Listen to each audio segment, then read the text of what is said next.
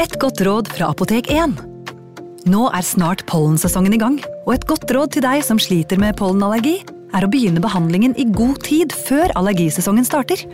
Da får du nemlig enda bedre effekt av legemidlene, og så blir ikke våren din helt ødelagt. Kom innom og få råd på ditt nærmeste Apotek 1, eller chat med oss på apotek1.no. Apotek 1 vår kunnskap, din trygghet.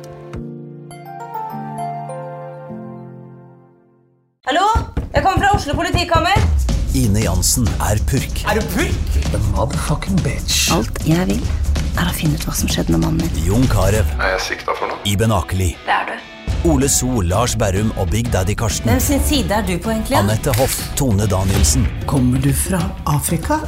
Jørnis Josef, Nesten kløfta. Trond Espen Seim, Det er synd å si det, men det var feil mann som døde. Purk. Premiere tirsdag på TV2 Play. Ungsamtalen fra DNB er økonomisk veiledning tilpasset deg som er ung. Bokk en ungsamtale på dnb.no. slash ung. Det er kjempebra hvis du skal inn på boligmarkedet, hvis det er drømmen din, liksom. Det er det du skulle sagt. Og så kunne du ropt litt mer, da, sånn som jeg gjorde. Bam! Advarsel.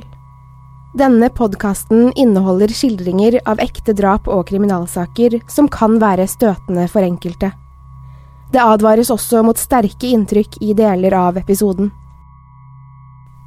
Le Mans, Frankrike, 2. februar 1933. René Lancelet, en pensjonert advokat, går med taktfaste steg gjennom den mørke gaten. Kulden er bitende, vinden river i den tykke frakken. En katt smyger over veien langt der fremme, han ser den bare i silhuett. De skakke og skjeve brostenene er blanke, og Lancelet går forsiktig for å ikke falle. Det er ikke de glatte brostenene som han bekymrer seg for i kveld. Han har en følelse av at noe er alvorlig galt. Det velter seg i magen. Tidligere samme kveld skulle han møte sin kone og datter til middag hos en familievenn. René Lancelins gamle studiekamerat bodde i samme område som den velrenommerte advokaten, og spaserte hun hjem var ikke lang. Akkurat denne kvelden var den mye lengre enn vanlig. Med raske steg hastet han seg videre. Kona og datteren møtte aldri til middagen. René unnskyldte seg først, men etter hvert ble forsenkommingen bare pinlig. Tiden gikk, og etter en stund bestemte Lancelet seg for å reise hjem for å se til familien sin. Kunne de ha glemt middagsselskapet? Monsieur Lancelet går med lette steg opp trappen til det fornemme huset. Han rykker i dørklinken, men til sin store forundring er døren låst. Har de gått ut likevel? Han banker hardt i den massive tredøren flere ganger. Ingenting kan høres der inne. Hjertet dunker raskere og raskere. Han banker igjen, mer aggressivt nå. Ingen lyd, ingen åpner. Nå er han alvorlig bekymret. Noe må ha hendt, forteller han seg selv. Lancelin forsøker å se inn gjennom vinduene. I det dunkle skinnet fra stearinlysene i stuen kan han skimte noe. Kan det være en skikkelse der inne? Han forstår at noe ikke er som det skal, og får en nabo til å kontakte politiet umiddelbart. Han spør naboen om han har lagt merke til noe utenom det vanlige, men naboen rister på hodet. Han har verken hørt eller sett noe merkverdig denne kvelden. Politiet kommer etter hvert til med flere politimenn. Siden døren ikke vil rikke seg, må de bryte seg inn i det fornemme huset med makt. Politimennene kommer seg omsider inn. Den romslige yttergangen er mørkelagt, og et svakt skinn fra stearinlys i det neste rommet gjør at de kan skimte noe innerst i gangen. Med langsomme skritt lister de seg nedover gangen mens gulvplankene knirker under de blankpolerte skoene deres. Det lukter metall. En stor, mørk skikkelse ligger foran dem på gulvet. Hva kan det være? Hallo? hvisker den ene konstabelen og bøyer seg nærmere det som ligger foran han. Ingen reaksjon. Han dytter forsiktig tuppen av skoen sin mot bilten og kjenner at den eller det er mykt. Han bøyer seg fremover for å kunne se bedre. Et hvitt ansikt med åpen munn viser seg for han. Han faller bakover i forskrekkelse. Ansiktet har bare sorte hull istedenfor øyne. Velkommen til True Crime-podden.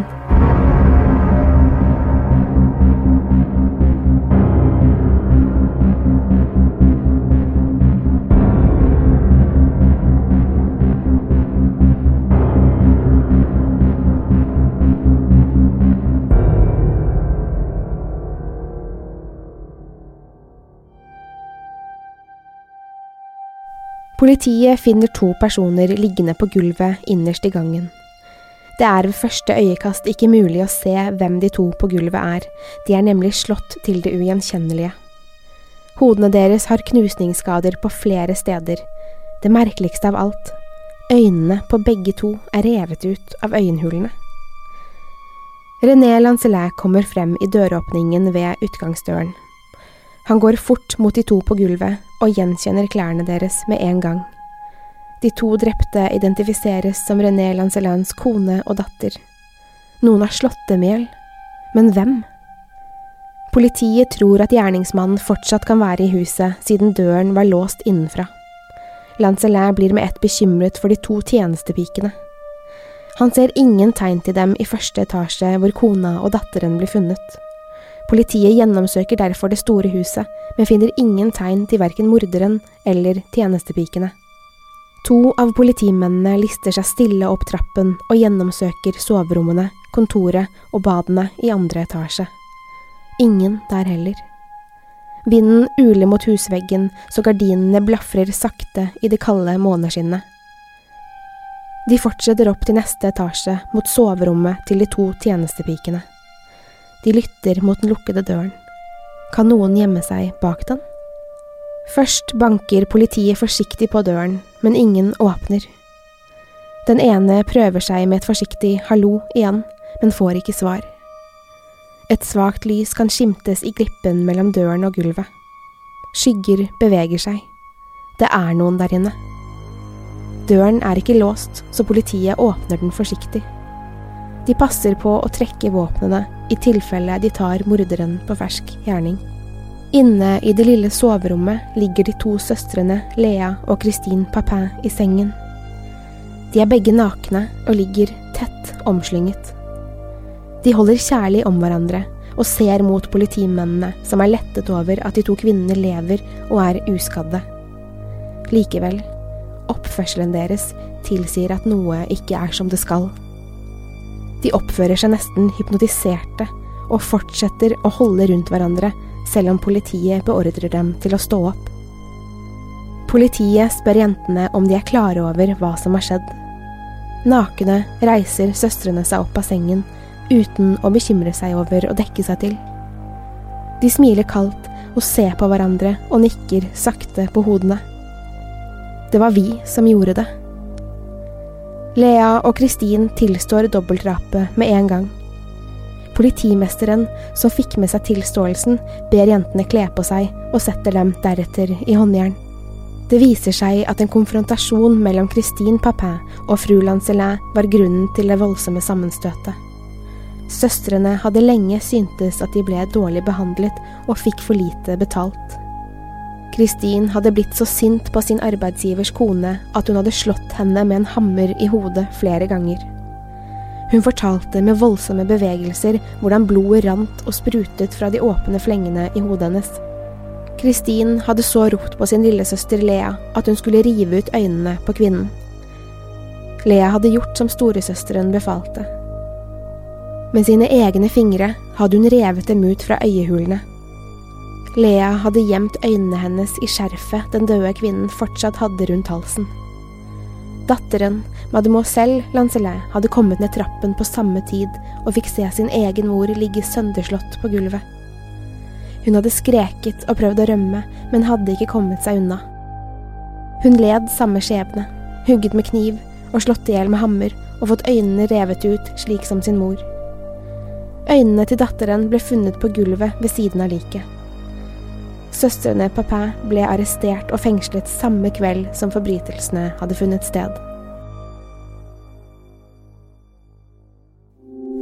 Kristin var 27 år da hun ble arrestert, og søsteren Lea bare 21 år gammel. Jentene hadde jobbet som tjenestepiker for familien Lancelin i litt over et år da drapene skjedde.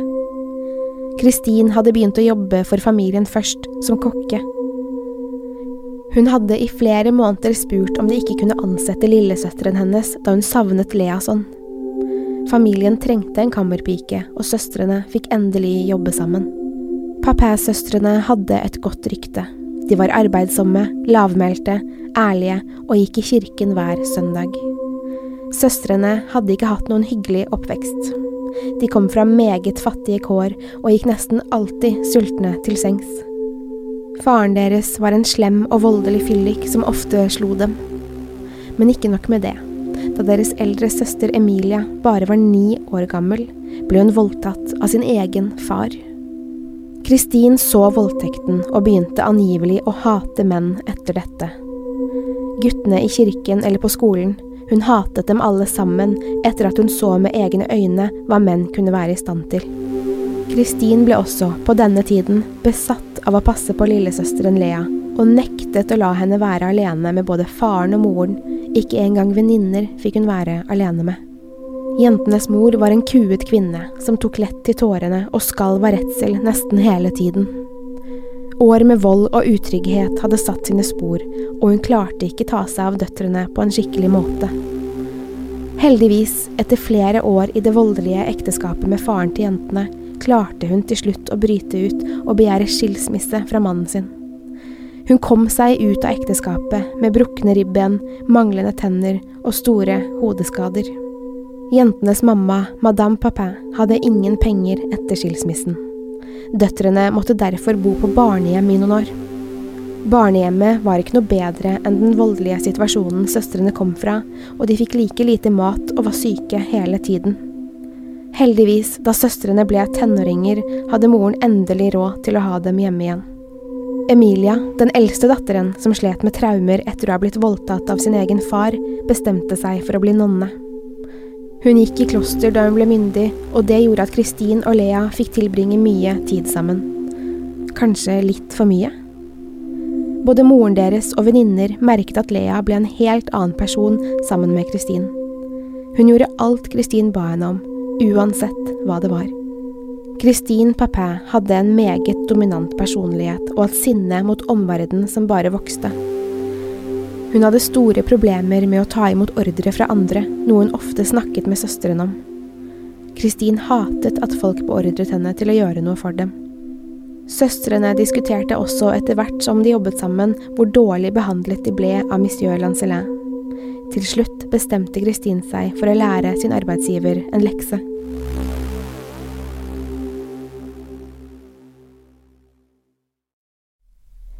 Konfrontasjonen Kristin hadde nevnt for politiet, som ifølge henne selv hadde utløst sinnet hennes, hadde kun handlet om at jentene ikke hadde vasket sengeklærne ordentlig. For vanlige mennesker var nok ikke dette noe å ta på vei for, men i Kristins verden var dette dråpen som fikk begeret til å renne over. Hun innrømmet selv, i avhør, at hun først hadde drept madame Lancelin og deretter familiens datter sammen med Lea. Jentene ble, som nevnt, arrestert samme kveld som drapene skjedde, og satt i hver sin celle. Lea, den forsiktige og litt redde av dem, klarte seg greit i fengsel. Hun gjorde som vaktene sa, og skapte ingen problemer. Hun takket for maten, fulgte reglene og konverserte med de andre innsatte i allrommene når det var luftepauser. Kristin derimot gikk inn i en slags psykose da hun fant ut at hun ikke fikk være sammen med Lea. Hun skrev brev hvor hun tryglet og ba om å få være sammen med søsteren, men det hjalp ikke. Politiet fortsatte å holde søstrene adskilt, da vaktene mente at Kristin hadde en negativ påvirkning på Lea. I juli 1933, fem måneder etter arrestasjonen, var Kristin så fortvilet at hun skrek, gråt og forsøkte å rive ut øynene sine med hendene. Hun ble lagt i tvangstrøye og sendt til et psykiatrisk sykehus for behandling for psykose og hysteri. Kristin nektet å spise, ville ikke sove og gråt hysterisk hele tiden. I rettssaken fikk søstrene endelig se hverandre igjen, til pressen og nysgjerrige borgeres store begeistring. Dobbeltdrapet hadde selvfølgelig fått stor oppmerksomhet i media. Flere teorier og usanne historier ble spredt rundt hele landet. Selv om søstrene aldri innrømmet at de hadde et forhold, ble de i media kalt de incestuøse mordersøstrene. Da Kristin og Lea ble ført inn i retten, gikk det et gisp gjennom folkemengden som hadde møtt opp. Alle som hadde trodd de skulle få se de vakre søstrene alle snakket om, ble skuffet. De lignet ikke lenger på bildene fra arrestasjonen i februar syv måneder før. Tiden i fengsel hadde satt sine spor. En avis skrev at de hadde aldret flere tiår mens de satt inne. De var tynne, bleke og slitne. Noen mente at de hadde begynt å få grå hår og rynker. Kristin, storesøsteren, ble portrettert som syndebukken i dobbeltdrapssaken. Hun ble, ikke overraskende, dømt til døden i retten. De bestemte også at hun skulle halshugges i giljotinen. Lillesøster Lea ble bare dømt til ti års fengsel, siden retten mente at hun ble styrt av søsteren. Lea ble knust over søsterens dødsdom. Heldigvis, noen måneder etter rettssaken, ble Kristins dødsdom omgjort til livsvarig fengsel som skulle sones på et psykiatrisk sykehus i Renn. Etter rettssaken fikk aldri søstrene se hverandre igjen. Kristin tålte dette ekstremt dårlig. Hun nektet å spise noe mat, og orket til slutt ikke å bevege seg lenger. Hun ble tynnere og tynnere og sank mer og mer inn i seg selv, i sitt eget mørke. Kristin døde i 1937, bare fem år etter drapene, av en tilstand som får kroppen til å svinne hen. I Kristins tilfelle skjedde dette av underernæring og muskelsvinn som følge av inaktivitet, som igjen skyldtes depresjonen av at hun ikke fikk se søsteren Lea. Lea derimot klarte seg fint i fengsel. Hun ble, akkurat som liten, en helt annen person uten søsteren. Lea slapp ut av fengsel etter åtte år av god oppførsel. Hun skaffet seg et nytt navn, Marie, og fikk seg jobb som stuepike på et hotell ikke langt fra der hun vokste opp. Hun levde et stille og tilbaketrukket liv, uten større eller dramatiske hendelser. Lea giftet seg aldri og fikk heller ingen barn. Hun var aldri sosial og fikk ikke venner i sitt voksne liv, selv om hun noen ganger fikk besøk av sin eldre mor. Ellers dro Lea på jobb om morgenen og kom hjem på kvelden. Slik var resten av livet hennes. Flere mener at Lea Papin døde i 1982, men en filmskaper som ville lage en dokumentar om Papin-søstrene, mente at han fant Lea på et gamlehjem i Le Mans så sent som i 2001. Om det stemmer at det virkelig var Lea, hadde hun vært 89 år på den tiden. Kvinnen på bildet ligner mistenkelig mye på Lea. De er virkelig like. Det kan godt stemme at det er henne. Flere som har sett bildet, har fått frysninger over hele kroppen. Det er noe skummelt med den lille kvinnen. Denne kvinnen, som mange tror var Lea, døde noen måneder etter at filmskaperen hadde vært på besøk. Hun var på tiden rundt besøket dessverre så dement at hun verken kunne bekrefte eller avkrefte at hun faktisk var Lea. Men sykepleierne, de kalte henne Marie, navnet hun fikk da hun slapp ut av fengsel. Vi legger selvfølgelig ut bildene på vår Instagram-konto True Crime Norge, både fra åstedet, av søstrene som unge, men også hvordan søstrene så ut under rettssaken. Og det viktigste av alt, bildet av den eldre Lea, så du får se og gjøre opp en mening. Vi vil gjerne høre hva du synes. Vi legger også ut bildene på Facebook-siden vår som heter True Crime Podden. Om du har spørsmål, tips eller kommentarer, mail oss på post at truecrimenorge.no. Med denne lille, men skumle episoden tar vi i True Crime-podden en aldri så liten sommerferie. Vi er heldigvis snart tilbake igjen med nye, skumle og helt ekte krimsaker. Fra oss til dere, riktig god sommer, pass på dere selv, og takk for at du har hørt på True Crime-podden.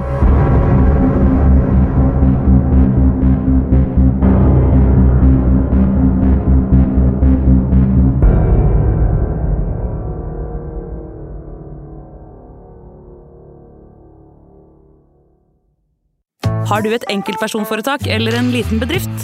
Da er du sikkert lei av å høre meg snakke om hvor enkelt det er med kvitteringer og bilag i fiken, så vi eh, gir oss her, vi. Fordi vi liker enkelt. Fiken superenkelt regnskap. Hei! Takk for at du lytter til True Crime Podden. Skulle du ønske at du kunne høre en ny episode av denne podkasten hver eneste uke? Vel, da er det bare å laste ned podkastappen Untold med en gang. I tillegg til ukentlige episoder av podkaster som Skrekkpodden, Synderne og Henrettelsespodden, får du masse annet reklamefritt og eksklusivt innhold. Last ned Untold i AppStore eller Google Play, og start din 30 dagers prøveperiode i dag.